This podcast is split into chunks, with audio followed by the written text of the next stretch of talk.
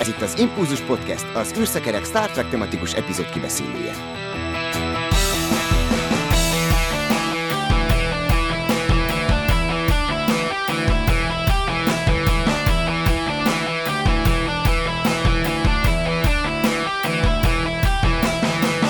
Szervusztok, kedves hallgatók!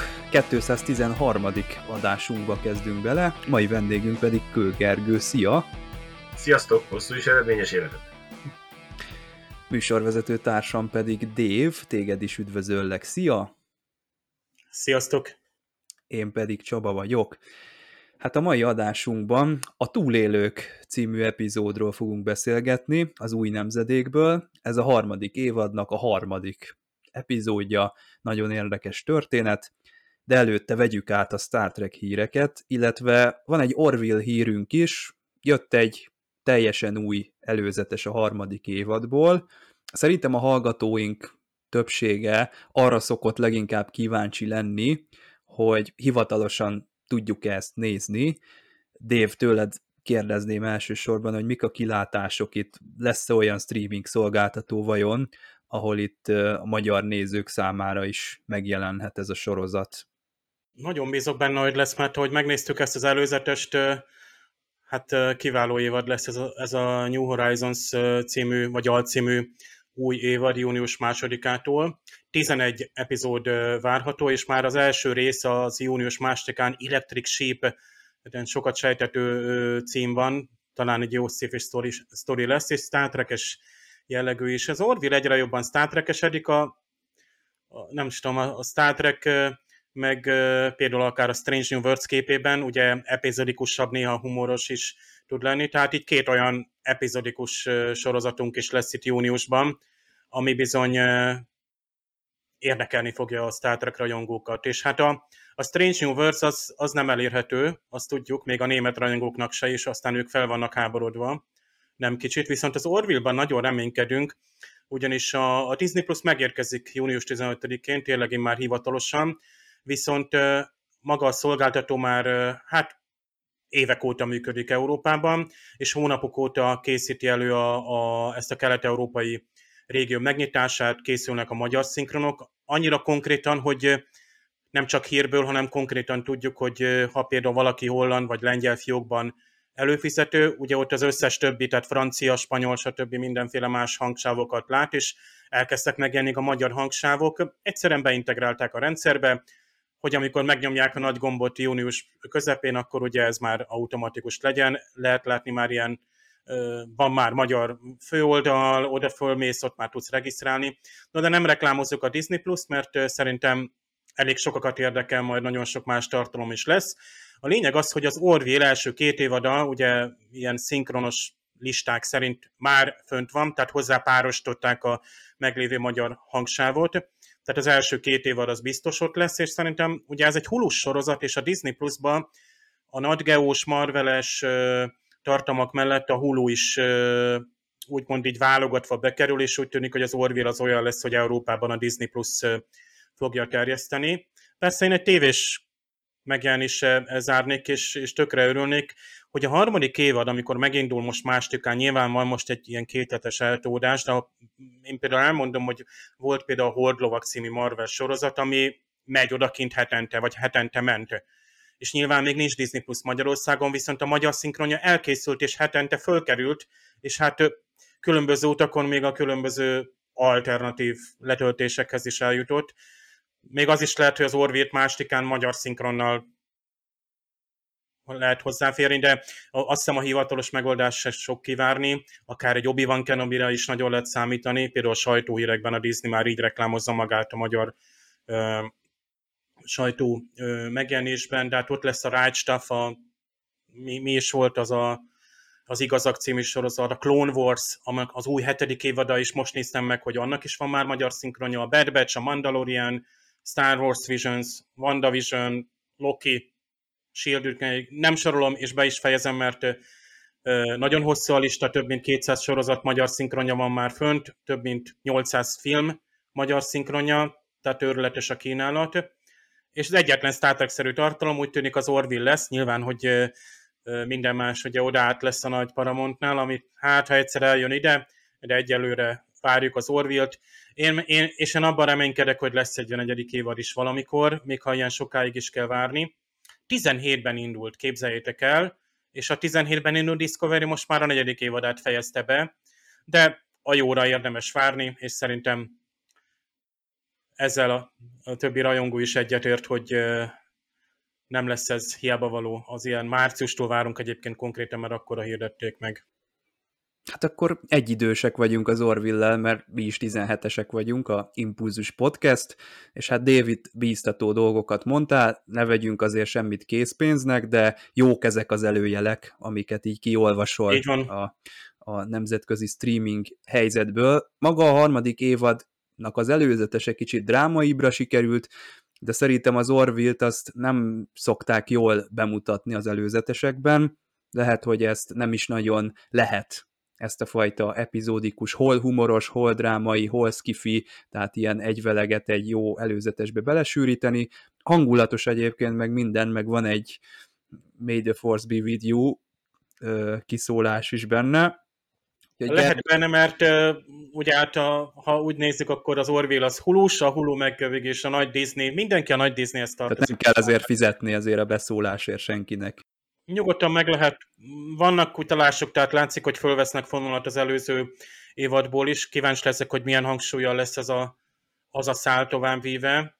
De szerintem er, epizódikus lesz a továbbiakban is, mert sokféle helyszínt láttunk, tehát úgy tűnik, hogy azokból válogattak. Például ez a mostani másik előztes volt inkább a, a fő előzet, és én azt mondom.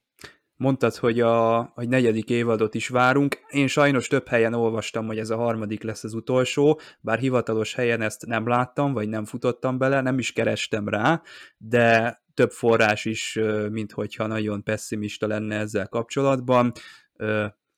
Azért jó lenne, hogyha ez a sorozat minél tovább folytatódna, és ne úgy érjen véget, mint mondjuk az Enterprise, amit nem csak négy évadra terveztek, hanem azt mondták a színészeknek, hogy itt 7 éven keresztül tessék rendelkezésre állni, és még ennél többet is ígértek, mert azt is belengedték nekik, hogy mozifilmben is ők megjelenhetnek, hogyha vége lesz a sorozatnak, de hát ma már tudjuk, hogy ez nem így alakult. Ugye itt legutóbb Dominic Keating és Conor Trinir, azt hiszem Chicagóban az ottani conventionön beszéltek kicsit az Enterprise-ről, és mondták, hogy ha, fú, hát hogyha lett volna ötödik évad, az, az nagyon oda tett volna, tehát úgy konkrétumokat egyébként nem mondtak, csak mondta Dominic Keating, hogy nagyon lelkes volt ő, illetve azt még elmondta, hogy szereti a fő címzenét, de amikor felgyorsították a harmadik évadban, azt ki nem állhatta, tehát az kicsit neki olyan goofy, azt hiszem ezt a szót használta, ilyen viccessé vált, mert az eredeti az olyan kifejező, és a képekkel együtt jól leírja a sorozatnak a, a filozófiáját, de amikor úgy begyorsították, az olyan furcsa volt, és el is mondta a színész, hogy ő, ő azt onnantól kezdve nem is tudja meghallgatni, és inkább áttekeri, hogyha erről van szó. Na, Gergő, te például az ötödik évadtól mit vártál volna? Én hallottam, hogy ilyen Romulán háború is jött volna. Az az igazság, hogy én nekem az ötödik évaddal azért lenne egy problémám, mert a negyediket már bocsánat, de nagyon hülyén zárták le, és szerintem, szerintem nagyon elkapkodva hozták előre a megalakulását a, ugye a csillagflottának, ugye a, és szerintem ott, ott még lett volna egy-két, szerintem nem az nem a negyedik végén akarták azt a csillagflotta megalakulást, Igen. hogy, hogy hogy alakult volna, hát figyelj, hát sok mindent. Ugye ott a klingonok is még eléggé lazán kezelték, klingonokat is elég lazán kezelték, ugye a Cindy, Romulánok, nagyon sok lehetőség lett volna még benne, hogy hogy ismerkednek, meg hogy fedezik fel őket, és rengeteg faj volt ugye, amelyiket, a, a, amelyiknél, amelyik nyitva hagyták, hogy, hogy még lehetett volna velük ismerkedni. Hát, mit vártam volna az ötödik évadtól? Még jobb évadot, mert nekem, én nagyon szeretem az Enterprise, és nagyon nem, nem szerettem, ahogy, ahogy lezárták ezt a, az egészet. Mm. És nekem se tetszett, hogy fölgyorsították a zenét. E, teljesen egyetértek a színészet. Teljesen egyetértek. az nekem se tetszett. Ö, igen, ahogy mondtad, szerintem azt a lezárást azt nem tervezték bele a negyedik évadba, tehát kizárólag azért csinálták így, hogy ö, akkor legyen valami sorozat lezáró is ebben a dologban, tehát ez ugrottak ott három évet, vagy a, ameddig a hetedik évad tartott volna, rögtön ott vették fel a fonalat, de hát a rajongók többsége szerint ez nem sült el jól. Viszont hagyhatták volna még azt a lehetőséget, hogy oké, okay, zárják le a negyedik évadot, de, de ugye a első éveit a csillagflottának, a nehézségeit, hogy hogy, hogy, tehát az egészet, hogy hogy alakult meg, milyen nehézségek voltak, hogy állt be mindenki a sorba, hogy igazodott be mindenki ebbe a, a gondolatmenetbe, amit maga az egész csillagflotta képviselt. É, azért még szerintem lett volna egy-két potenciális, akár ugye, hogy mit kezdenek a vulkániakkal, tehát a vulkánok mit kezdenek az egésszel andóriaiak. Ugye egy, elég, elég érdekes faj volt egész végig a andóriaiaknak a, a, a, a kezelése, és hogy hogy, hogy, és hogy, intál, hogy integrálódtak be. Szerintem ebből még egy, egy-két évadot simán ki lehetett volna hozni.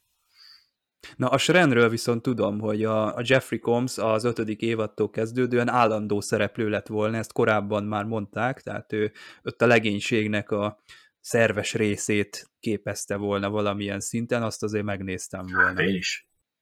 Hasonló történt egyébként a Babylon 5-ben is, hogy a negyedik évad végén hát azt hitték, hogy nem lesz már holnap, és leforgatták az utolsó részt, hm. és, de mégiscsak lett ötödik évad, úgyhogy azt az utolsó részt azt nem mutatták be, hanem oda tették az ötödik évadnak a végére, de az, az, az egyébként jól sikerült szerintem, tehát a, az, egy, az egy kitűnő lezárás, attól függetlenül, hogy a, az időeltolódás miatt nem stimmelnek a szakállak, meg a hajak, de, de ezzel együtt is szerintem azt, azt jól megcsinálták. Dave, te mit szólnál egy Enterprise 5. évadhoz?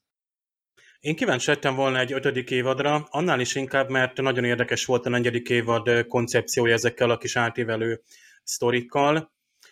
talán nekem a Xindévad nem volt a kedvencem, de az, az is egy erős. Csak nekem úgy történetben az, az egy olyan, ugye egy, egy, egy, egy irányú harcias jellegű volt, mint a Deep Space Nine-nak, ugye a Dominium háború, de az se egy rossz, tehát Star Trek vagy sorozat szempontból nem rosszak azok egyáltalán.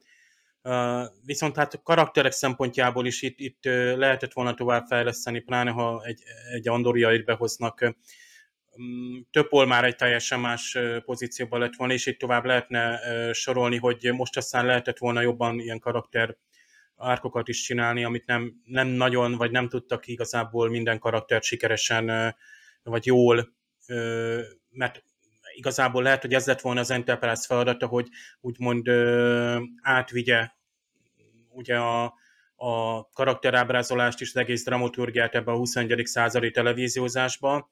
Igazából még ott az az, az évtized, az még tévé szempontból egy elég erős volt.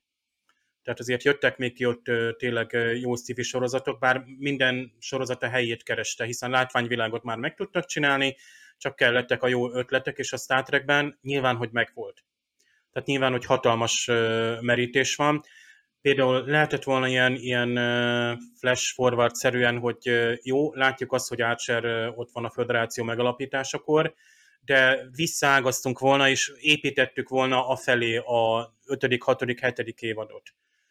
Tehát vittük volna tovább a sztorit, tehát azt az, úgymond azt a negyedik évad záró részt azt szornózzuk, de meghagyjuk mondjuk azt, hogy látjuk, hogy Archer ott áll, és akkor létrejön a föderáció. Tehát akkor de... az egy ilyen flash forward-szerű hát, hogy volna? Jó, Tehát lát... jó, hát most nem volt titok, Aha. hogy előbb-utóbb lesz egy föderáció, tehát egy Star Trek nézőnek pláne nem. Tehát ugye ilyen, ilyen ötleteket bevinni, hogy, hogy, hogy, hogy ezek a fehér foltok, vagy nem kevésbé tárgyalt dolgok, tehát nem újra prezentáljuk azokat a jó Voyager epizódokat, amiket a nézők elfogadnak, és tényleg tehát mindenki, ha éhes, megeszi, hogy a, nem tudom, magyaró vagy a szendvicset, ha már mondjuk amerikaiak vagyunk, és csak valami ötletet, tehát úgymond nagyon jók voltak azok a részek is, amelyek önállóan egy-egy epizódban valamilyen módon egy, egy ismert szifis vagy Star dolgot hoztak elő első-másik évadban mondjuk. Ezek, ezekbe kellett volna egy kicsit, kicsit nagyobb merészség, vagy tovább. Nyilván, hogy az, egy, ha meghosszabbítják, akkor ott, ott szerintem bőven lett volna, nem tudom mennyire volt megírva az az ötödik évad. Most itt a zenékhez kapcsolatban ez nagyon érdekes, mert én, én szeretem, hogy az upbeat verzió, ez a kicsit felgyorsított, ez még mindig illik, csak ugye, ahogy a Dominic Kitting is mondja, hogy az eredeti például ritmusban is jobban illik a grafikához, ugye az, az amit prezentált egyébként az egész, egész sorozat, és tehát mondom, ez egy nagyon jó átmenet lett volna az Enterprise, hogy onnan tovább megint egy teljesen más, akár az a hát Discovery típusú, vagy inkább olyan típusú, ilyen antológiai jellegű sorozat, hogy minden évadban más, vagy valami teljesen új koncepciója jön létre, mert hogy ebben van pénz, meg működik, ugye sajnos ott a UPN, meg ezekkel is voltak gondok a terjesztéssel, egyszerűen nem állt a sarat sajnos a, a, az akkori televíziós vagy amerikai piacon a, a sorozat, és így hát sok tényező volt. Nem baj, mi újra fogjuk nézni, ugye? Tehát mi majd újra értékeljük és felfedezzük, és hát mozifilm, igen, az, annak a hajója már tényleg elszállt, az viszont már szerintem se reális. Maximum egy ilyen soha nem mondta, hogy soha. A, egyébként meg volt írva egy csomó dolog, és én régebben olvastam azt is, hogy a temporális hidegháborúval kapcsolatban Jaj. a Future Guy, aki megjelenik, az kicsoda lenne. Most itt nem lövöm le, de meg szerintem ezt ki is találták már uh, többen. Hogy... Igen, én azt hiszem, igen. De egyébként, mivel az Enterprise most 20 éves, ezért napjainkban is percről percre szinte derülnek ki új háttérinfók. Én a Shuttlepod Show című podcastet ajánlom. Már ajánlottam korábban is, de engedjétek meg, hogy még egy kicsit reklámozzam, mert nagyon jó.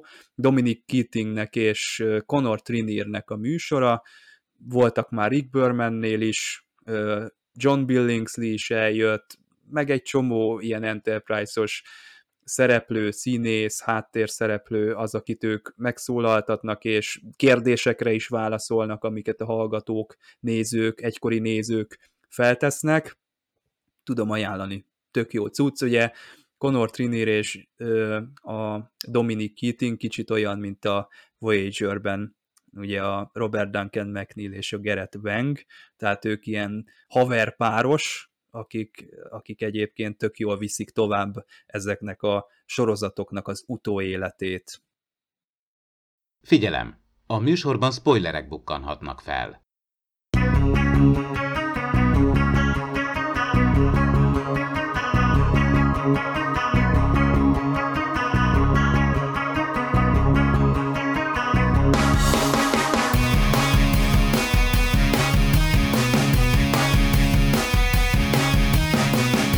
Hát a TNG előző két epizódja erős karakterépítésbe kezdett, ezzel ellentétben ez a mostani, a Túlélők című epizód inkább ilyen alkonyzónás, végtelen határok szerű, ilyen skifi novella úgy tűnik, mintha egy ilyen rövid történetet filmesítettek volna meg. Erről lesz most szó, továbbra is Gergővel és Dévvel beszélgetek, én pedig Csaba vagyok. Michael Wagner írta ezt a történetet. Az ő nevével találkozhattunk már az Evolúció című epizódnál, ott nem mondtuk be, de Michael Pillerrel együtt író volt, azonban neki ez az egyetlen szóló projektje, amit egyedül írt, vagy legalábbis egyedül van kiírva a neve itt a stáblistában, az új nemzedékben, és hát kristálytisztán látszik, hogy ő mit várna ettől a sorozattól, vagy mi az elképzelése ezzel az egésszel, ami nekem speciál nagyon tetszik. Nem biztos, hogy így kéne megcsinálni az egész sorozatot, tehát jó, hogyha azért vannak karakterfejlődések, de old school ez nekem, tehát olyan eredeti sorozatos, mindenképpen, mint hogyha egyetlen heti történetre koncentrálnánk, és akkor utána reset, és jövő héten egy, egy másik dologgal fogunk találkozni, de nektek mennyire jött ez be? Én nagyon régen láttam ezt a részt, és megmondom őszintén, nekem azért tetszett ez a rész, mert annak ellenére, hogy láttam már, ö, valahogy nem maradt meg bennem, és ugyanaz volt az érzésem, mint az előző nézéstén is, hogy végig ö, nem tudtam, hogy mi fog történni. Tehát nagyon sok, kibesz, nagyon sok részt kibeszéltünk együtt, nagyon sok ügyet újra néztem, nagyon sok résznél, azért borítékolható volt, hogy mi lesz a vége. Nagyjából sejtette az embert, hogy mi, hogy, merre. Itt, itt nem. Tehát itt végig tudtuk, hogy valami nem stimmel. Tehát mindenki tudta, hogy valami nem stimmel, de egyszerűen álmomban nem gondoltam volna, és megmondom őszintén, hogy olyan régen láttam, hogy teljesen elfelejtettem a sztorit, és most sem. Tehát úgy vezette végig a, a rendező az egész filmet, az elejétől a végéig, hogy tök homályba tartotta a brigádot, aki nézte éppen, de, de teljesen és nekem ez, ez nagyon tetszett részben, abban teljesen igazad van, hogy az az igazi, visszatérünk a Setneres érához, az, hogy lemegyünk, visszamegyünk, lemegyünk, visszamegyünk, egy helyszín, a hajó, meg egy helyszín. És, és ez, ez, ez, nekem is nagyon, nagyon bejött így az egész történetben. Amellett meg ugye a végeredményben egy, egy klisés dolog volt, tehát az egésznek a végeredmény egy klisés dolog volt, ha azt teszik, hogy ilyen rengeteg volt már a, a Star Trek érákban, mégis, mégis egy nagy különbség volt ugye a, a, az egész történetben, a sztoriban, ugye, hogy a végén a lény az hogy hozta ki a egészet, mi történt, hogy történt. Viszont ez, ez nekem nagyon tetszett. Nagyon jó volt szerintem ez a rész így. Hát irigyellek, Gergő, hogy így, így tudtad ezt nézni, ez szerencsés dolog, amikor így tudunk leülni egy Star Trek epizód elé, hogy, hogy meg, meglepődünk. Nekem, nekem viszont elég ismert a rész, mert sokszor láttam, és mindig ez a komorság van benne. Tehát itt, itt, itt az egész egy, egy ilyen melankolikus, tehát végig sejted, és nyugtalanít az, ami, a házaspár körül forog. Hát ez egyszerűen nem lehet természetes, ez, ez nem normális. Tehát itt, itt valami sötét titok van, és tényleg jellemzően az alkonyzóna, vagy a végtelen határok egy-egy epizódja lehet, vagy volt ilyen. Ami egyébként azonos televíziós korszak, legalábbis a végtelen határokból volt ugye a 90-es években, ugye, és több Star Trek szereplő mhm. is ott elő-elő fordult. TV3-on azt Már is akkor talán sugározták. Igen, akkor járkáltak ki Star Trek szereplők így más uh, szifikbe, és szerintem lehet, hogy szerették is a, a műfajt. Tehát műfajilag ez, ez jó, tehát a dráma meg történt szempontjából is.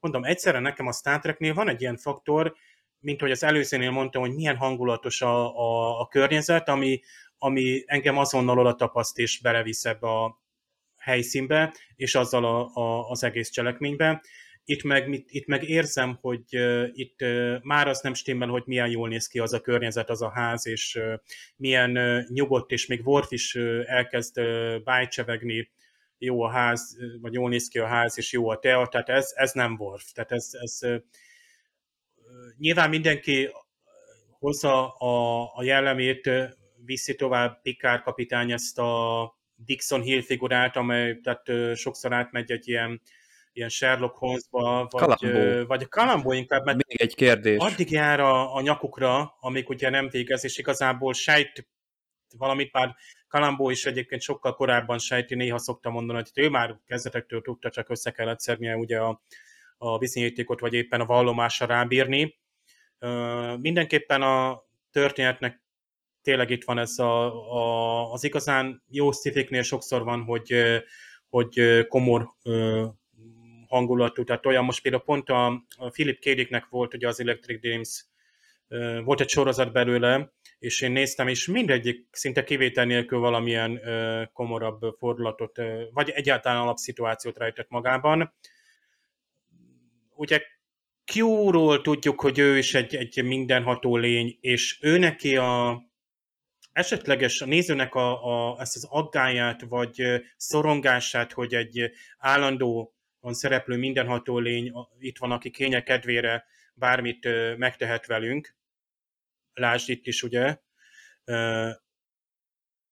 Azért Q esetében az ő karaktere, vagy éppensége, hogy visszatérve újból és újból azért árnyalják az ő jellemét, tehát igazából ő nem lesz annyira sötét figura, még itt kifejezetten, amikor már hát Pikás sem tud úgy szóval erkölcsi sem mondani, meg amúgy is olyan döbbenetes az, amit történt, hogy föl sem tudjuk fogni. Tehát itt ez, ezért van az, hogy ezt egy nehéz, ez egy nehezen fogyasztható ö, epizód, de pont, hogy kellene ilyenek a Star Trekben, és jó, hogy a TNG be tudja fogadni műfajilag, meg tematikailag is ezeket a, a kísérleteket. Bár tudjuk, hogy az eredeti sorozatban is voltak műfaji kísérletek, tehát ott még éneklés is volt, de mindenképpen ezek a, az erősebb sci drámák is ott voltak. Tényleg lehetne epizódokat sorolni, általában az erős TNG epizódok azok mind ilyen típusúak, amikről azt mondjuk, hogy hát Egek úr, hát ez egy kész, ez egy novella, tehát ezt, ezt, ezt keretbe kell foglalni. És itt is ebben egyetértek veletek, hogy igen, kell ilyen jelenséget bemutatni, mert ez, ez mind hozzá tartozik, hogy van, amikor a felfogatatlannal találkozunk, vagy a felfoghatatlan bűnnel, vagy ha egyáltalán ki kell, vagy ki lehet mondani, hogy ez bűn, mert milyen alapon tudunk mi ítélni. Nehéz. Ja, abban egyetértek veled különben, hogy a maga az egész résznek a menet az egy picit olyan melankolikus, de végig nekem azért végig pörgött az epizód. Tehát azért nem voltak benne annyira üres járatok. Jó, egy-kettő volt benne, meg voltak viccek, hogy kicsit oldják. Ugye a Worf az folyamatosan, tehát ez a iszom a teát a kis ujjammal, és hogy tartja, és hogy angolosan válaszol, hogy igen, tök jó, meg amikor ugye beszólnak neki, hogy, hogy, hogy ő még Klingon, ilyen Klingonnal nem találkozott, aki nem oldja meg, hogy ott aztán ott áll a hídon, hogy na, hogy került ide az ő, nem tudok nem mondani.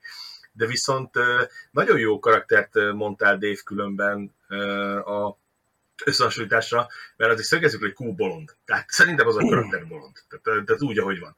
Viszont pont az ellentéte a, a, ennek a karakternek, ennek a idegen lénynek, mert ugye mi Q egy, egy, egy ö, olyan lény, aki szó szerint beleüti mindenbe az orrát, és mindenkivel foglalkozni akar, és megy, és csinálja, és piszkálja őket. Ez a lény ugye nem akart semmi más, csak boldogan élni, amíg meg nem hal szegény hölgyike, tehát boldogan élnek, amíg élnek, és visszavonult, és, és nem akar semmit beleszólni az életbe, sőt, egyáltalán nem is akarja ezt az isteni ö, ö, tudását felhasználni, hanem csak egyszerű földi halandóként akar élni. Ugye ez a végén kiderült, hogy semmi más nem számított, nem, nem, nem akart, semmi más nem akart, csak hogy egy egyszerű halandóként leélni a szeretett hölgyével az életét és, és mégis, mégis azért a élet beleszólt abba. A Q, az, Q az egy pont az ellentéte volt. Az, az, ha, ha kellett, ha nem kellett, beleütötte az órát a, a Picardék dolgába. És szerintem egy nagyon jó összehasonlítás különben, hogy, hogy egy teljesen nagy hatalommal rendelkező lény két végletét mutatták be. Lehet, hogy nem volt szándékos, mert ugye azt itt a Kujó azért már volt, tehát azt hiszem, jegyét már van, volt már, igen, már szerepelt, van. már van, tehát így pont az ellentétét mutatják be annak, hogy egy, egy isteni hatalom mire is lehet képes. Annak ellenére, úgy itt nem gonosz lényről beszélünk, ugye bármit is tett azzal a, ú, most nem jut eszembe annak a fajnak a neve, amit bedobtak, de, de, de, egy, de egy korlátlan, ilyen egy korlátlan hatalommal rendelkező lény ö, mutattak be, ami, ami, akinek korlátlan hatalma van. Szerint, szerintem, szerintem, de abban igazad van Dave tényleg, hogy egy, egy ilyen kicsit egy ilyen melankolikus, tehát ott a, a Diana-nak az a jelenet, amikor ilyen zenél a fejébe, hát az ilyen pszichós jellegű az egész történet, és ilyen, de nem a Star Trekre jellemző ezt tényebben egyetértek, hanem inkább valami pszichohorror filmnek a egy tnc vannak visszatérő nyomasztó, egyébként pont Diánával kapcsolatban Aha. vannak ilyen időnként nyomasztó, hát most csak a nemezésre gondoljunk, és ez, tehát ezt rossz, rossz nézni, vagy rossz tudni, tehát így, így teljességgel el tudjuk képzelni, hogy ő egy olyan fokú lelki fájdalmat érez, mintha mi, tehát nem tudom, nekünk egy ilyen most nem tudom, 400 herces, vagy nem tudom, hangot a fülünkbe vezetnek, és nem tudnánk kikapcsolni. És ezt sikeresen bemutatja, tehát a műfajt is jól tudja váltogatni a, az epizód. Tehát úgyhogy a néző számára, tehát ott vannak ezek a nyomasztó és sötét pillanatok, míg ugye hát nyilván amíg Crusher próbálja ugye Troyt csitítani, és az őrület zajlik odafönt, Pikár és Worf kedélyesen teázgatnak. Tehát ezek, ez, ez, ez, ez, meg már az abszurditás, tehát az szinte már egy ilyen, ilyen szatíra, tehát Worfnak ez a jó te a szép ház. Tehát ezt már érezzük, hogy, hogy itt, itt, itt, itt Worf, mintha rájátszana a színész, vagy maga Worf, ugye Détanál is néha megfigyelhető, hogy így, így mintha rájátszana, és mintha az emberségét próbálgatná, míg Worf is próbálja ezeket a határokat feszegetni, például amikor Pikárral sétálnak a folyosón, akkor Worf ugye a Pikár elvárásának megfelelően ezt a Klingon hát nem nagyzás, tehát ugye nyilván egy Klingon azért minden teljesítményére büszke, hogy hát ővel nem fordulhat elő, hogy ilyen ö, taktikai hibát véd, hogy ö, ugye az az admirális, aki nem vette észre azt a renegált andoriai hajót, azt, mert ugye szétszették egyébként, ez is micsoda jó kis sztori. Tehát ezek a kis, ez olyan, mint egy anekdota. Tehát ez egy tipikusan, mint egy Orville szituációban lennénk. Hát ilyen szerintem minden egyetemen van. Ez a sztori, hogy valamelyik oktatónak a hallgatók szétszedik az autóját, és fölviszik a tetőre, vagy ott rakják Igen. össze. Hát ez, nekem ez jutott eszembe. Ja, de mondjuk én tudom, hogy más, másképp közlekedsz, de mondjuk szétszednék alul a vonatot, de tehát ez, ez Wortnál, ez nagyon jó, de ilyen sztorikat én szívesen hallgatok egyébként egyetemről is, ha, ha mondatok, vagy munkahelyről. Van egyébként ezeknek a nagyhatalmú lényeknek egy harmadik pólusa is, az pedig az Ármus, aki kifejezetten ugye a gonosz, hogyha már így, így mondjuk a Q az ilyen kíváncsi, bohókás, vicces, az Ármus az a kifejezetten gonosz, és akkor itt van a Kevin, aki ez a már-már vezeklő, melankolikus, magába forduló karakter lett, úgyhogy ezek így egymás mellett így felsorakoztathatóak. Bár ugye nincs karakterfejlődés, de szerintem jól bánik, ismeri a karaktereket Michael Wagner, mert Diana például szerintem egy ilyen hasonló sztoriban a legtöbb esetben csak mellőzik. Tehát nem nincs rá magyarázat, hogy ő miért nem érez semmit, vagy miért, miért nincs éppen a hajón, vagy, vagy nem is szólítják őt meg, nem kéri meg a pikár őt, hogy, hogy mondja el a véleményét, de itt nem csak, hogy egy magyarázat, vagy egy alátámasztást kap, hogy, hogy őt miért tehetjük félre ebben a dologban, hanem fontos szerepet játszik a hangulati felépülésében ennek az epizódnak, ugyanis rajta keresztül tudjuk, hogy hát itt valami nagyon nagy baj van, tehát itt, itt szörnyűség, szörnyűséges dolog történt, Pikár az, aki szagot fog, és ő a Kalambó, de a, a Troy érzésein keresztül kapjuk meg a, azt a hangulati elemet, hogy ajaj, itt, itt vigyázni kell, mert itt, itt valami rettenetes dolog készülődik. De szerintem ezt nagyon jól építette föl a rendező ezt a részt, mert ugye amikor megérkeznek, már amikor ugye átvezetik a bolygót, tehát amikor ugye a bolygó felszínéről, a lerombolt felszínéről átmegy az az éles váltással ugye a, arra a kis szigetre, a zöld szigetre, érted? És le van gyalulva az egész bolygó, de, de teljesen érted, és akkor a ház sértetlen, zöld a fű, csicseregnek a madarak, ciripel a tücsök, mert minden volt a háttérben, tehát ahogy mint egy békeszigetre, nem is lenne a bolygón semmi. És ugye már az elején is érezhető ez, amit mondasz, ez ez a ötyák, mert ugye a, már a Riker is végig, ö, ö, amikor nem vannak, hogy ez nem jó, itt valami nem jó, itt valami nem jó. Én megyek és megnézem a házat, és akkor meg, és, és végig ö, ő is már kezdi, de ugye, ahogy te mondod, akkor még csak ilyen sejthető. Tehát az egész szituáció egy ilyen morbid. Morbid, és, és már ott kezdődött az egész, de annyira ahogy te mondod ezzel, hogy a Diana-nak ugye megjelent a zene, a kis zenedoboz a fejébe, és nem tudja, hogy milyen zene. És nagyon, ez nekem nagyon tetszett, hogy végig nem jönnek rá erre a dologra, mert ugye mi, mi nézők tudjuk, hogy ott lent van valami gevasz, mert ugye a kis zenedobozt hallja a Diana, de a Diana nem tudja, hogy az a zenedoboz, mert ugye lent mi hallottuk, de nem tudták összekötni. És nem is kötik össze végig az egészet. Ugye, és ez nekem olyan annyira tetszett, ez, hogy vártam, hogy mikor jönnek rá, hogy a zenedoboz az, és nem jöttek rá, hogy a zenedoboz az. hogy ezt a zenét nyomta be a csávó.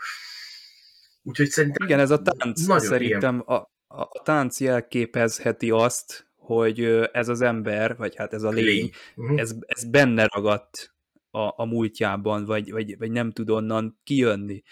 Ilyet meg már azért láttunk, tehát ö, például ugye a a Szerelem hatalma, azt hiszem ez volt a magyar címe az eredeti sorozatban, ugye a halhatatlan csávó, aki megpróbálta ilyen android társasággal ö, szórakoztatni magát, és kicsit itt is erről van szó, csak ez a lény, ez szofisztikáltabb, vagy fejlettebb, vagy istenszerű, és neki nem kell ugye ilyen mesterséges lényekkel ö, próbálkoznia, hanem, hanem ő a képzelet erejét használja. Ebben a tekintetben meg ő a talosziakra hasonlít, tehát azt tudjuk mondani, hogy a The Cage mm.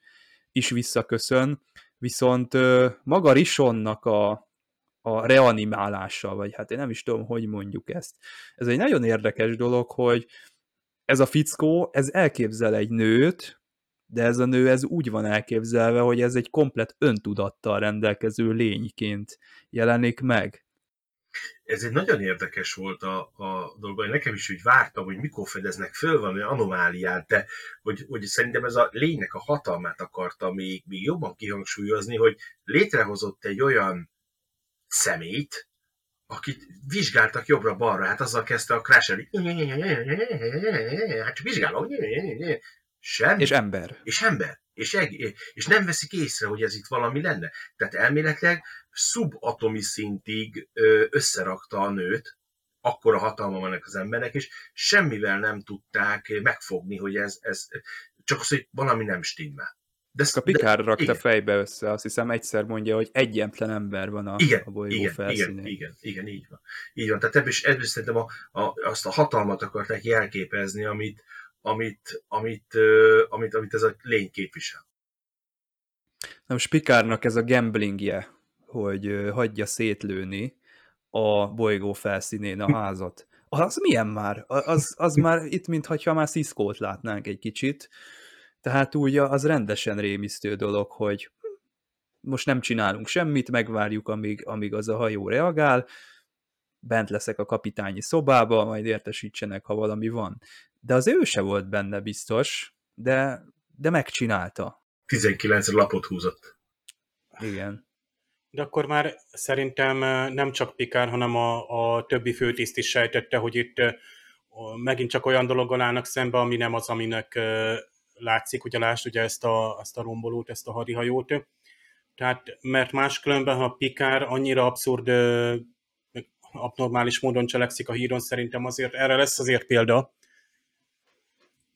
majd, hogy Pikár nem önmaga, egyáltalán nem maga, tehát akkor, akkor bizony a legénységnek sokkal hamarabb feltűnik, vagy akkor is előbb-utóbb feltűnik a legénységnek, míg ez, ez itt Pikár önmagát adta, mert ő neki már voltak ilyen húzásai, de nem, nem rögtön.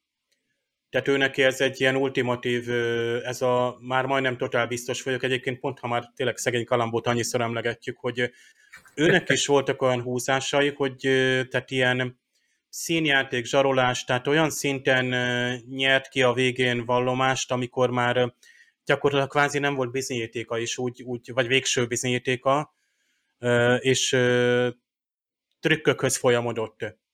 Ezt nem egyszer csinálta, volt egy nagyon durva ez a mafiózós eset, amikor szó szerint összedolgozott egy ilyen mafiózóval, és akkor egy ilyen étterembe foglalejtették a, a vádlottat kvázi, és Kalambó azt mondta, hogy hát kérem, én innen elmegyek és magával azt csinálnak, amit akarnak, ha csak meg nem mondja, hogy hol van a, a gyilkos fegyver. És Pikárnak... Kalambó podcast hát, is csinálhatunk. Körülbelül, mert ugye meg megfordultak ott, tehát csak, csak William Shatner kétszer, nyilván. Nimoy meg egyszer.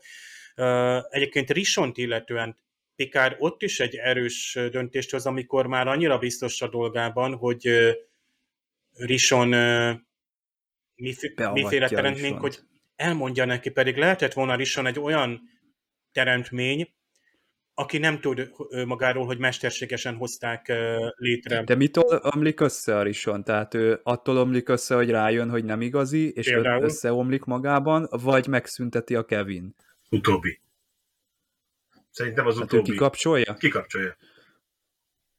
Szerintem az volt. Hát mind, mind, mindkettő elég szomorú, ja, vagy szörnyű, tompítani, így belegondol. Gondoljatok bele, tehát van egy, mikor, tehát mikor éled bele magad egy mondjuk egy számítógépes játékba, ha jó az a mesterséges intelligencia, emberként cselekszik az ellenfeled.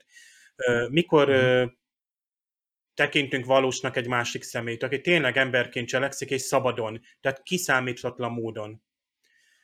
Tehát ott, ott, ott lépünk egy nagyon nagyot a, a személyiség irányába. Tehát most nem tudjuk, hogy a, a, a Kevin vagy ezek a Daudok, ők mennyire intelligens fajta, feltétlenül nagyon, akkor viszont rendkívül érzékenyek arra, hogy tehát a másik, tehát két ilyen nagyon nagy hatalmú lény, tehát tényleg minden szabadság fokának meg kell, hogy legyen, hogy ő teljes értékűen mondjuk boldog legyen.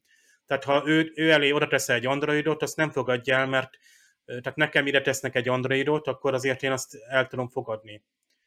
Tehát akár személyként is. mert én nekem azért sokkal szűkebb ugye a felfogó képességem, meg az egész ez a percepció, amivel a másikat érzékeljük, meg a, a személyiségét észleljük. Míg egy ilyen nagyhatalmi lénynél szerintem, ö, tehát itt ugyanolyan tökéletesnek kell lenni a partner, akit alkotott. Na most viszont, ha te alkotod, és tudod, hogy te alkottad, akkor elvileg ki kéne törölnöd a, nem tudom, a saját memóriádat, hogy te megalkottad őt, és akkor így, így elfelejted. Bár szerintem pont volt ilyen végtelen határok epizód, hogy volt valami űrge, aki körül volt véve androidokkal, aztán hoppá, kiderült, hogy már ő is android, csak nem tudott róla, vagy valahogy őt is a saját androidjai, vagy hologramjai tartották karban, vagy gondozták, tehát... tehát Android, e... azt mi együtt beszéltük ki ezt az epizódot. Szerintem Igen, az eredeti, ja, az eredeti sorozatban is. Sorozatban volt, és azt a, beszéltük persze, ki. Persze, egyébként. What a Little Girls Made Pontosan. of című Meg hát a Mardot is lehet mondani, meg a Star Trekben is most csak Pikárnak a első évadát, de még a második évadát is lehetne már lassan itt hozzátenni ezekhez a ö, témákhoz, hogy valakit egyszerűen létrehoznak, mert mondjuk lementették a memóriáját, vagy folyamatosan mentették, és minden emlékszik az utolsó pillanatig, és utána mondjuk létrehoznak belőle egy mesterséges lényt. Érdekes, hogy ezeket nem kell jobban megmagyarázni, mert a néző már annyira jártas szerintem, tehát itt, itt, itt tökéletesen elég volt, ugye itt a, a szembesítés volt, tehát ennek a, a drámája volt az erősebb. Tehát oké, okay, ez tifisen is egyébként működött, mert egyszerűen kimondod, van egy végtelen hatalmi lény, aki tud bármikor előteremt egy csettintéssel egy űrhajót, de a, lényeg az egész működési mechanizmusa, hogyan cselekszik, hogyan reagál a Rison, hogy reagál a Kevin, hogyan törik meg, tehát ezek a drámája volt nyilván ennek, tehát még mindig ugye a Star Trek szempontjából most is egy ilyen színpadon vagyunk, a Sir Patrick Stewart kvázi Shakespeare színészként ott áll, és akkor gyakorlatilag az ötödik felvonás utolsó jelenetében ő, ő lerántja a leplet, és a nézőnek ez a katarzisa megvan. Igen, igazad van, Dave, tehát ez egy egyszerűsítés, az idő tényező az epizódban, hogy el kell mesélni ezt a dolgot, és a drámát be kell mutatni, az fontos, és lényegében ugyanarról van szó, mint hogyha te létrehoznál egy androidot, de ha belegondolsz, ak- akkor meg nem az azért durva, hogyha elképzelsz valakit, és az a valaki, az önálló életre kell. Mert azt az androidot, azt valószínűleg úgy szerkesztenéd, vagy úgy hoznád létre, hogy évek munkája alatt tökéletesítenéd, és egyszer csak beérik a, a munka. De hogy valakit egy szempillantás alatt létrehozol, és az egy teljes értékű lény, na az kemény. Meg létrehozol egy olyan űrhajót, ami három másodperc alatt, már bocsánat, szar elői az Enterprise-t. és ezért döbbenten állnak, hogy milyen erős hajó, meg milyen összetett, meg minden. Hát ez a, a versenynek a, azt hiszem az egyetlen mondata az volt, hogy nézzék mekkora. Tehát szegénynek itt már teljesen le volt keverve szerintem, vagy most, most volt az a szakasz, amikor ő, ő, ő, ő csak ül. És ez azért, ezért fájdalmas, hogyha belegondolunk így utólag ismerve. Viszont az nem jött, az nem jött át különben az epizódban, hogy úristen, mekkora ez a hajó mert valahogy, valahogy, valahogy mindig ilyen picinek tűnt, csak ugye, hát, ahogy, a, ahogy, a, ahogy a hotyágok mondták, ugye a, a főszereplő a kapitánya, hogy, hogy úristen mekkora, ötször nagyobb, tízszer nagyobb, százszor Hát figyelj, és, ha Worf, és, a Worf is berezel, akkor ugye nyilván, hogy nagy. Igen, és, és nem jött át, tehát, tehát nekem most valahogy az, az, egy, az volt egy pici hiányérzet, hogy nem volt meg az a monumentalitása a hajónak. Ja, tudod, te egy csillagrombolót vártál. Hát egyébként, ez most szerintem itt most a új verziót néztük most már mindannyian, és, és hát az a helyzet, én nem néztem a, a, a régit, vagy nem emlékszem, hogy esetleg ott modell volt, mert nekem ez, ez, ez mintha nem is modell lett volna már, hanem itt mintha már vagy, vagy egy nem tudom, vagy utólag egy CGI lett belőle, de azt hiszem a hajókat modellekkel csinálták a felújított változatban is, hát megmaradtak ugye a modelles felvételek. A Enterprise biztos, hogy modell, de ő hozzá képest a kilátó ernyőn is nem nagyobb. Tehát nem érzem nem, én se azt a, a súlyát, tehát tényleg azt érezni, hogy hát itt valamilyen kóser, tehát ez a hajó valahogy nem, nem egészen igazi. Tehát, hogy a, a hát ház higgyük is... el a, a szereplőknek, hogyha azt mondják, Igen. hogy hú, mekkora nagy, hát akkor ők támasztják alá. Tehát, biztos nagy. Ti, ti is tudjátok, hogy a összes, tehát most egy függetlenség napját tehát képzeld el, ki nem emlékszik arra, amikor a Will Smith fölveszi az újságot, és fölnéz a Will Smith arca kell oda, hogy te, jó, ott van egy bazi nagy hajó, tényleg betölti a, a képernyőt, meg az eget, de kell az arca. És akkor a kettő együtt adja ki a nézőnek is a, az élményt.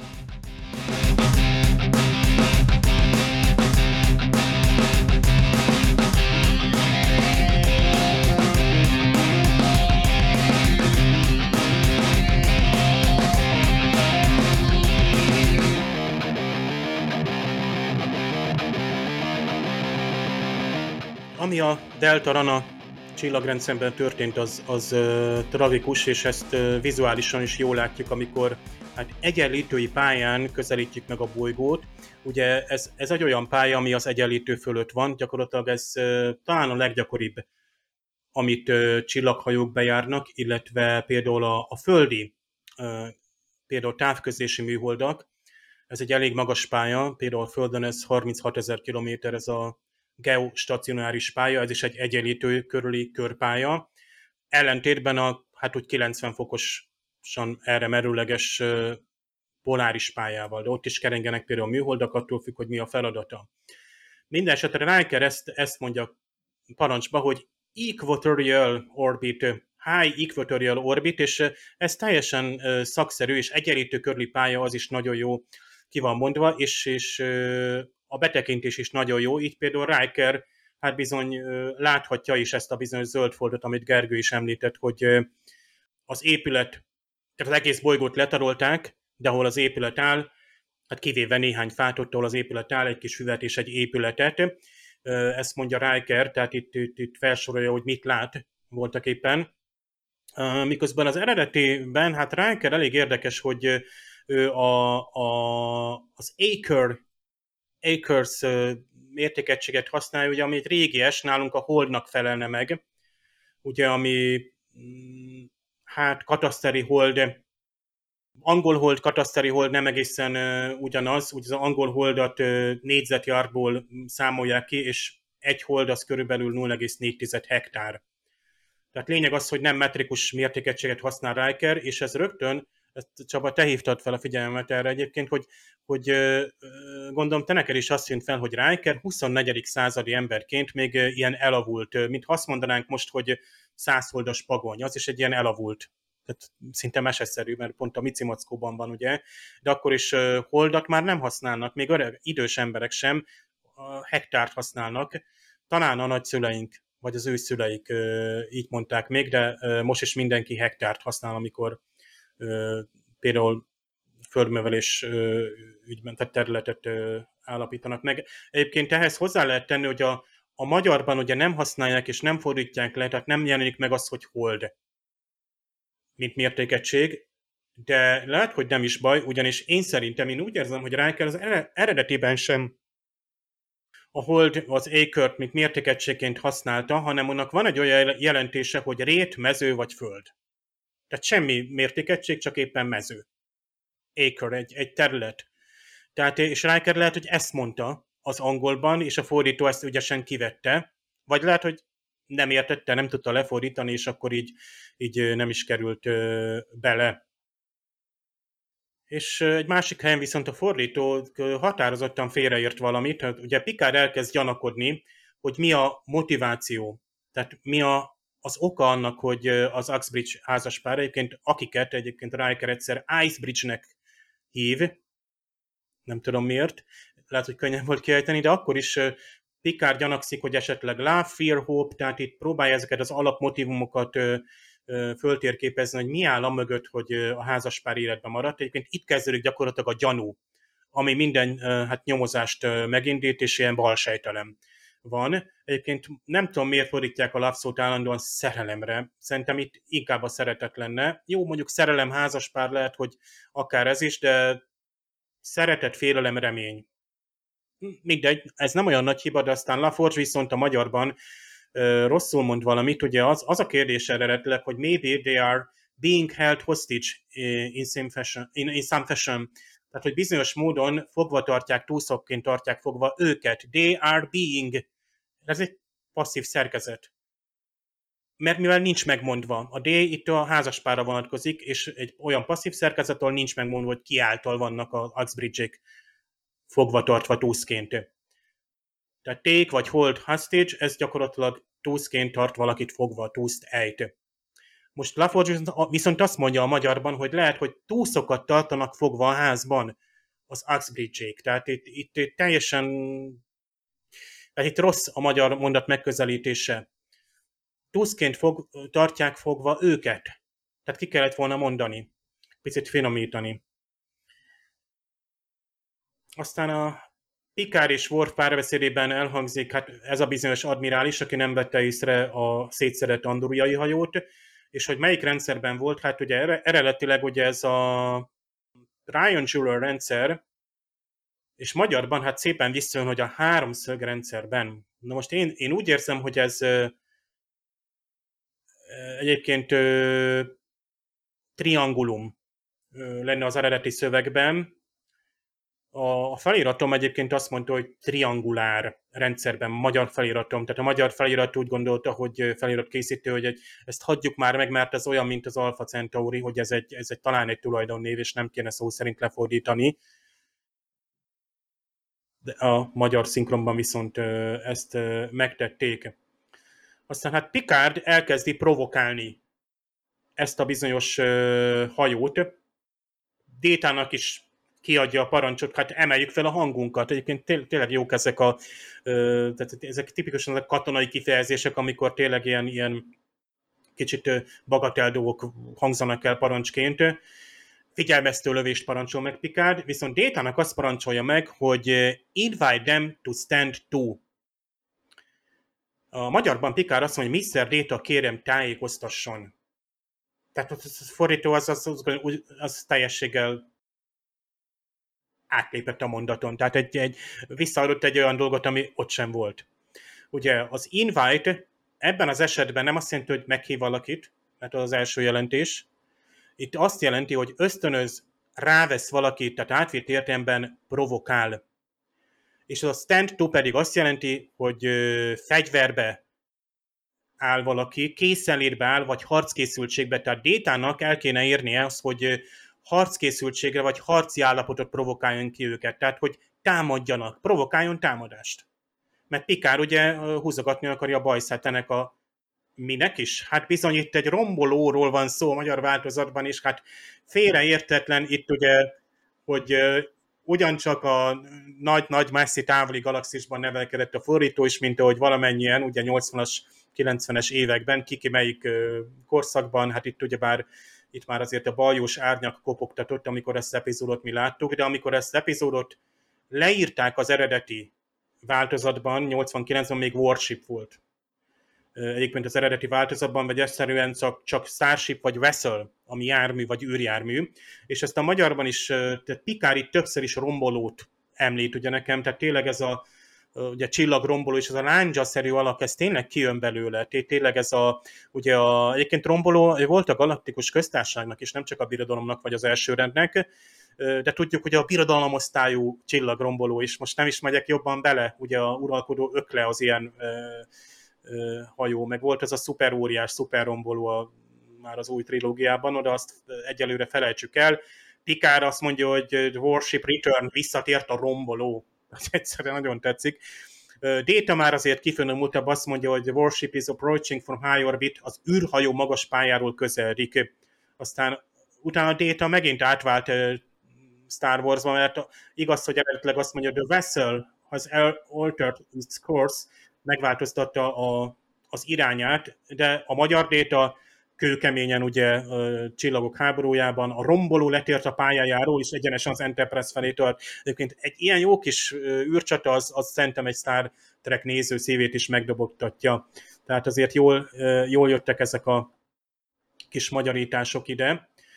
És hát itt a végén, ami hát valamiképpen egy szinkronos érdekesség vagy fájdalom, és még mielőtt itt Csaba lekever engem, hát bizony egy azért egy ilyen eklatáns példája annak, hogy hát bizony különböző tévécsatornák azért néha teljesen ilyen automatikus módon vetítettek sorosztokat, és egyik híres nagy ilyen lekeverés, hát nem csak a kacsamesék volt 94-ben, amikor megszakadt a kacsamesék konkrét epizódja, hanem itt a Star Trek epizódok közül is ez például megszakadt, és Pikár éppen egy igen jelentős beszédbe kezd, miszerint ugye mm, azt már ugye korábban mondja, hogy ugye erre a bűnre nekünk nincsen jogunk, hogy nem a mi tisztünk, hogy bírálni legyünk, erre a bűnre nincs törvényünk. Szerencsére ezt halljuk magyarul.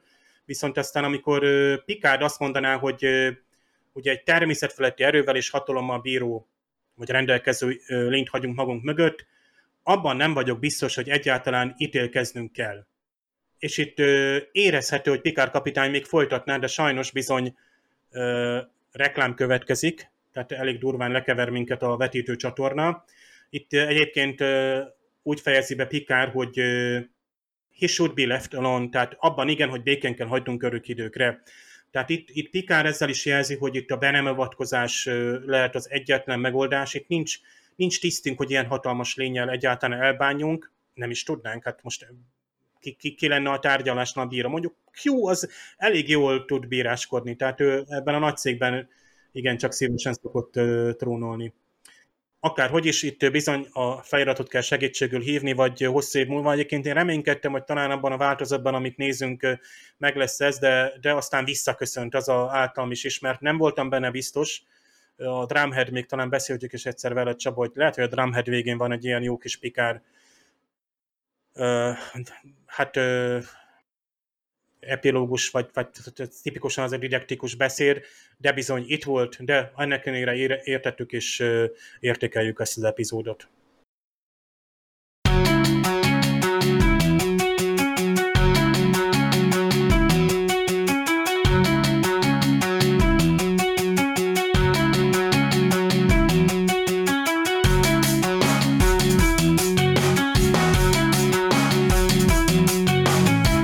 Felüdülés a nézőnek és a stábnak is, amikor élő helyszínre kell kiutazni. Ez történt most is Kaliforniába, Malibuba ment ki a csapat, és ott volt ez a ház, ugye Kevin és Rishonnak az otthona, és végre egy, egy teljes pompájában külső helyszínt láthatunk mi is itt a TNG-ben. Ugye Les Landó volt a rendező, ő is nagyon élvezte ezt az egész folyamatot, Hát ugye a Kevin szerepében lévő John Anderson élete legnehezebb forgatásának tartotta ezt a történetet, mert a forgatás előtt közel egy évvel az ő felesége is elhunyt, és hát azért eléggé erről van szó ebben a történetben is, és igazából ugye az érzelmi magja ennek a történetnek az ez, elveszíteni valakit, és hogyan tudjuk az ezáltal felkorbácsolt érzelmeket kontrollálni, vagy nem kontrollálni. Itt ugye az történik, hogy nem ura a helyzetnek Kevin, holott ő amúgy feltette az egész életét arra a filozófiára, hogy nem veszi el másnak az életét. Hát ugye Dave mondta, hogy felfoghatatlan az epizódnak a vége, ledobja az agy, hát nem, nem nagyon tud a néző sem mit kezdeni, vagy, vagy már azonosulni sem, átérezni sem nagyon lehet ekkora bűnt, de igazából ez is változó, hogy mikor nézi meg az ember. Lehet, hogy vannak olyan pillanatok, amikor ez nagyobbat üt, valamikor meg egyszerűen bemegy az egyik füleden, a másikon meg kijön, mert egyszerűen akkora léptékű dologról van szó, hogy egyszerűen nincsen rajta földi halandónak fogás.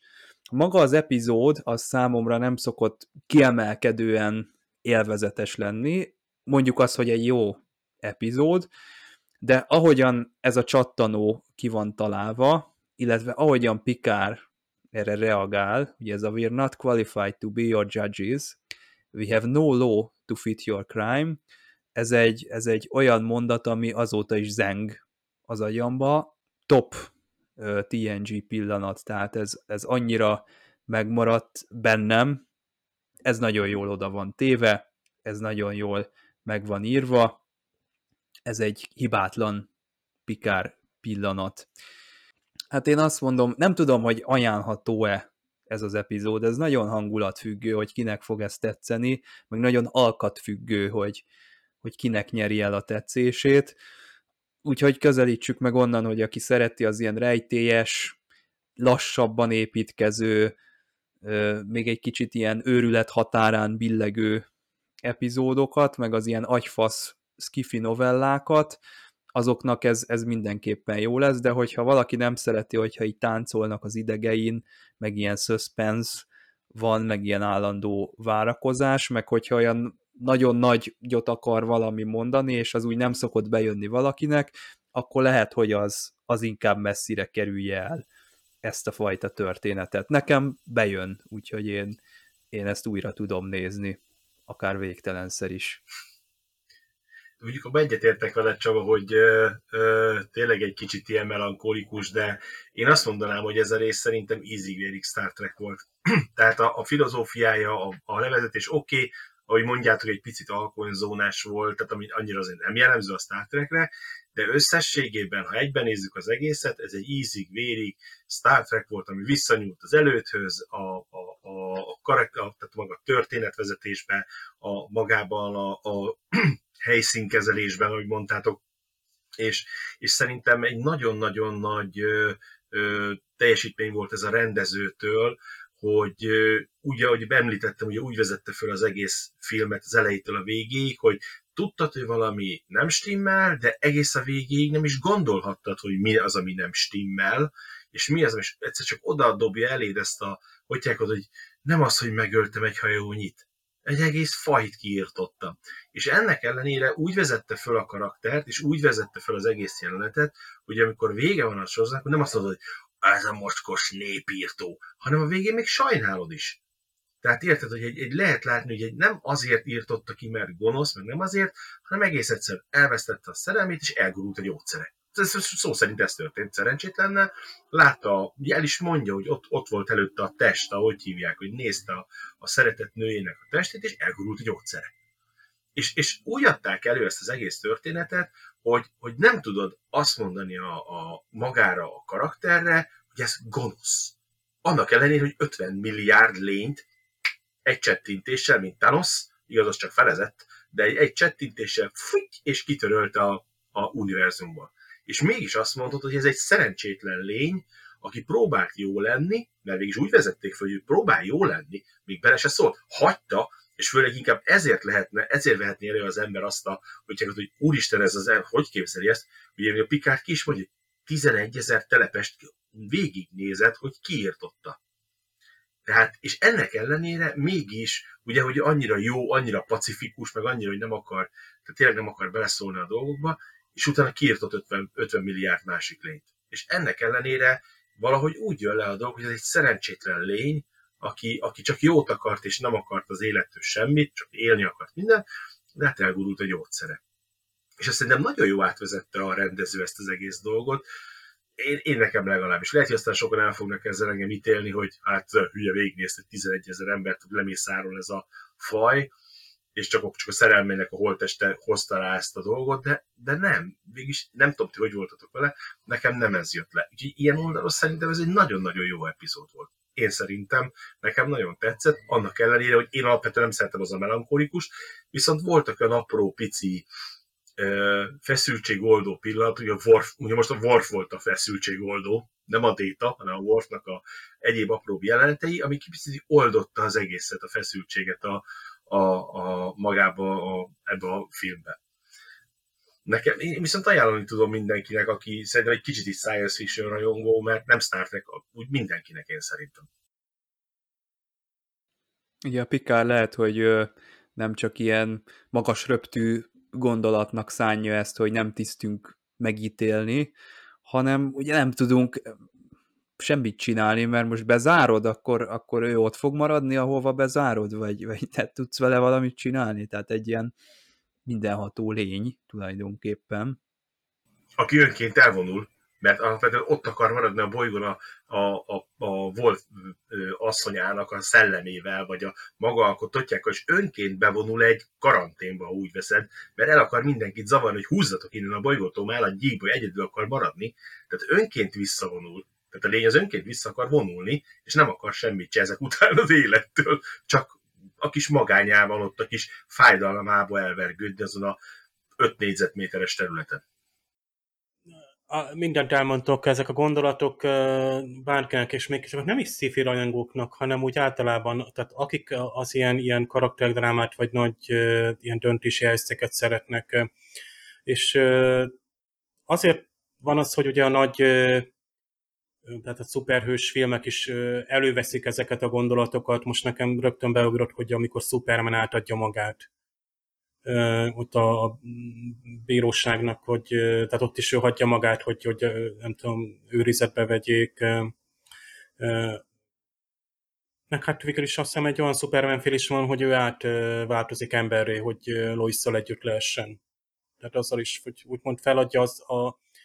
Itt is ugye a, a Kevin, amikor beleszeret ebbe a, a földi nőbe, tehát egyszerűen félreteszi a, a hatalmát. Mert hát nem használhatja, tehát akkor azonnal fölfedni magát, és az már úgy az a kapcsolat valószínűleg nem működne. Tehát az, az így viszont igen, tehát hogy ők egyszerűen szépen megöregednek együtt, bár azt, azt, azt tényleg, hogy most mi lett volna utána, amikor már is van nagyon öreg, mert ugye ismerjük ezt, hogy van egy nem tudom, hallhatott, vagy nem öregedő, vagy nem tudom, egy robot, egy android él valakivel együtt, akkor mi lesz? A déta mindenkit túlél. Még a másik ez a husznakok, hogy azt mondta ugye a Kevin rá, hogy egy egyik legondorítóbb faj, tehát egy... Nem múlt el a gyűlölet. Nem múlt el, de ugyanakkor ezt olyan evidenciával mondja, vagy meggyőződéssel, hogy mintha tehát ő neki tisztje lenne, vagy hogy ő nagyhatalmú lény lenne, ő az univerzum, nem tudom, őrzője, vagy nem tudom, tehát a, a galaxisnak a, az egyik ilyen őre, ö, aki arra is hivatott, hogy rendet tegyen, tehát például amikor ilyen nagyhatalmú fajok vannak, akkor kimondja az ítéletet, hogy hát egy undorító faj vagytok. De ugye ezzel a be nem avatkozással tehát a husznakok azok csak pusztítani tudnak, ezt, ezt megtudtuk. Tehát, hogy nem tudjuk, hogy a bolygónak az erőforrásai kellettek nekik, de hát még akkor is az épületeket meghagynák, vagy a... Tehát itt, itt gyakorlatilag letarolták a bolygót. És tehát ott a be nem avatkozáshoz való ragaszkodása, és aztán a Rison elvesztése okozott neki egy olyan törést. Tehát itt, a, itt nagyon jól fel van vázolva tehát tényleg néhány pontban, hogy ez ő benne mi zajlott le. Tehát végig látjuk az egészet, tehát a, a, ugye ettől a szép reményi indulástól kezdve egészen csak nyugodtan akartak együtt élni.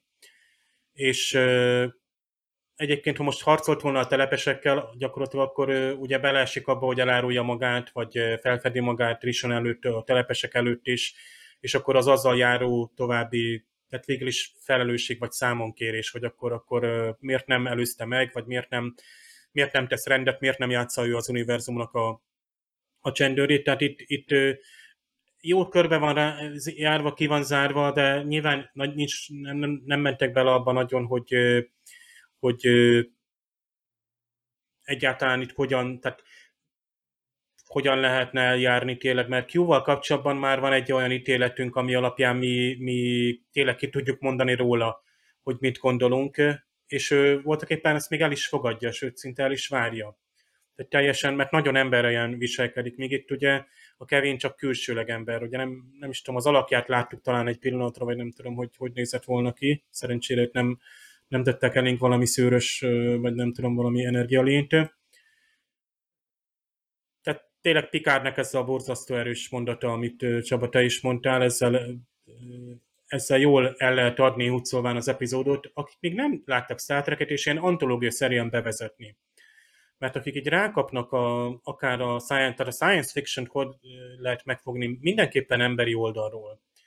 Mert nyilván a nagy, persze vannak a nagy technológiai szifik, vagy a, a military jellegűek, fantasy jellegűek, de mindenképp az, az emberi oldala, a karakterfejlődés, az, azon keresztül lehet rákapcsolódni így jellemekre, tehát olyanra is, mint a Pikár, aki megigazítja az egyenruháját, és kimond egy olyan döntést, hogy sugározzák fel őket.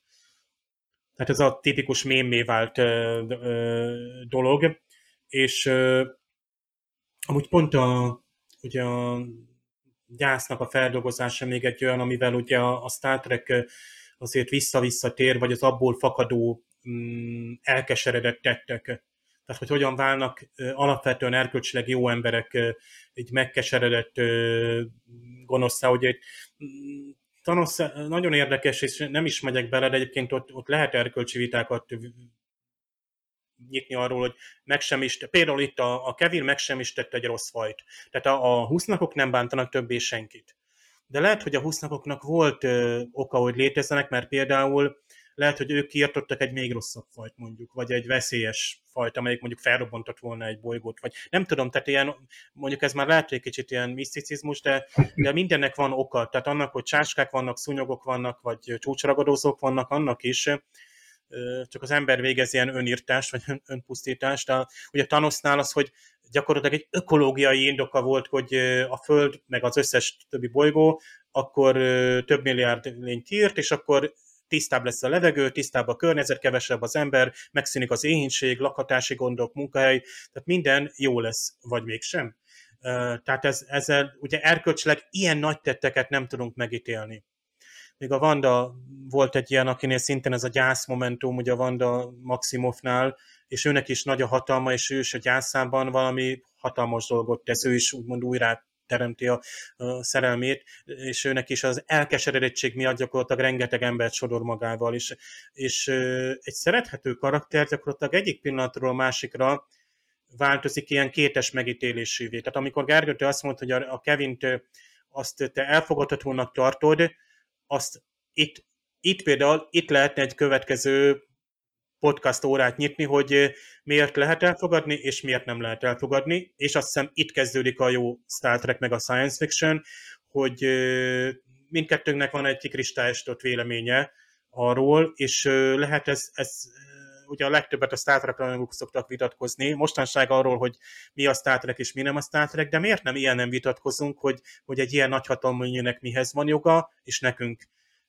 mihez van jogunk, van-e jogunk az univerzumban rendet teremteni. Mondjuk a föderáció azt mondja Ráker, hogy ő nem hozhatja fel őket. Nekem ez például szöget ütött a fejembe, mert a föderációt én úgy képzelem, hogy mivel sokféle fajból áll, valamiképpen mégiscsak dedikál van egy olyan jogosultság, hogy a föderáció mint együttes, hát hatalom is ott van a kezében, meg kell is az a hatalom, de hogy úgymond az a sokféle erkölcsiség együttesen mondja azt, hogy öreg ezt nem lehet megcsinálni.